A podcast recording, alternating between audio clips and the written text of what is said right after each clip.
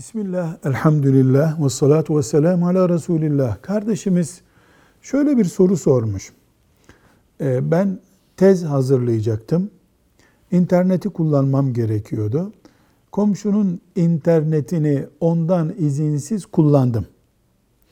Ve tezimi yazdım, diplomamı aldım. Şu anda benim elimdeki diplomam izinsiz kullandığım başkasına ait internet sayesinde benim diplomam oldu. Bir vebalim var mı? Bir suç işledim mi? Cevap olarak diyoruz ki evet. Başkasının arabasını izinsiz olarak kullanmakla başkasının internet hattını kullanmak arasında bir fark yok. O internet hattı ona bir yük gelmiyor yük getirmiyor gibi bir iddiamız olamaz. Çünkü kanuni sorumluluklar var.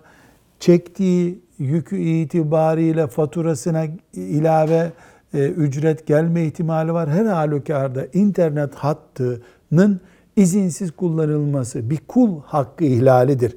O kişiyi bulup bu duruma iletip talep ettiği bir ücret varsa ben mesela 20 lira fatura ödüyordum. Demek ki o aylarda 23 lira ödeme nedenim sizdiniz der.